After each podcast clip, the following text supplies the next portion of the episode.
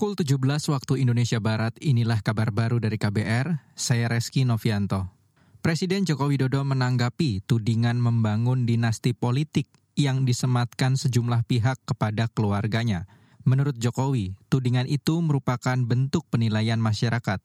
Ia menekankan pada pelaksanaan pemilu, kedaulatan berada di tangan rakyat. Ya, itu kan masyarakat yang menilai, masyarakat yang menilai dan apa dalam pemilihan pun baik itu di pilkada, pilihan wali kota, pilihan bupati, pilihan gubernur, pilihan presiden itu semuanya yang memilih itu rakyat. Yang menentukan itu rakyat, yang mencoblos itu juga rakyat. Bukan kita, bukan elit, bukan partai. Ya itulah demokrasi.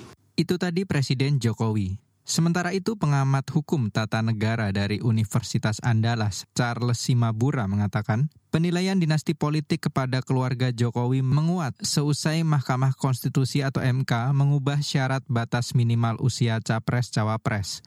Putusan itu dinilai memuluskan langkah putra sulung Jokowi, Gibran Raka Buming Raka, maju sebagai calon wakil presiden. Beralih ke informasi lain, Komisi Kepolisian Nasional Kompolnas meminta polisi bekerja profesional dalam menangani dugaan pemerasan yang melibatkan pimpinan Komisi Pemberantasan Korupsi KPK Firly Bahuri. Anggota Kompolnas Yusuf Warsim mendorong Polri menangani perkara secara terbuka dan transparan guna mencegah adanya tuduhan konflik kepentingan. Apalagi kasus ini mendapat perhatian publik. Ini jangan main-main, harus profesional. Yang kedua, ya sebagai wujud transparansi ya Kompolnas sudah sangat berharap bisa nantinya diundang dalam gelar perkara apakah itu gelar perkara khusus terkait nantinya kalau memang alat buktinya sudah cukup untuk menetapkan siapa tersangkanya, eh, kami berharap bisa diundang. Itu sebagai wujud transparansi karena Kompolnas adalah bagian dari eksternal yang itu bisa merepresentasikan publik ya, kira-kira seperti itu. Kompolnas Yusuf Warsim menegaskan terus memantau perkembangan dan penanganan dugaan pemerasan itu. Lebih lanjut, ia mengapresiasi kehadiran Firly hari ini dalam pemeriksaan di Bareskrim Polri. Firly diperiksa salah satunya terkait foto pertemuannya dengan bekas Menteri Pertanian Syahrul Yasin Limpo di lapangan badminton. Polisi akan mendalami dugaan pelanggaran pidana dalam pertemuan itu. Dugaan pemerasan mencuat saat KPK menangani kasus korupsi di Kementerian Pertanian. Dalam kasus itu, KPK menetapkan Syahrul sebagai tersangka.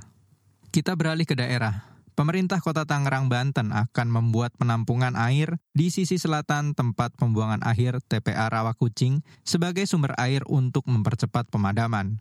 Dikutip dari Antara, Wali Kota Tangerang Arif Wimansyah mengatakan telah menginstruksikan Dinas PUPR untuk melakukan pengerukan dan pengisian air. Tak hanya itu, ia juga meminta camat setempat berkoordinasi dengan Dinas PUPR untuk segera membuat tandon suplai air.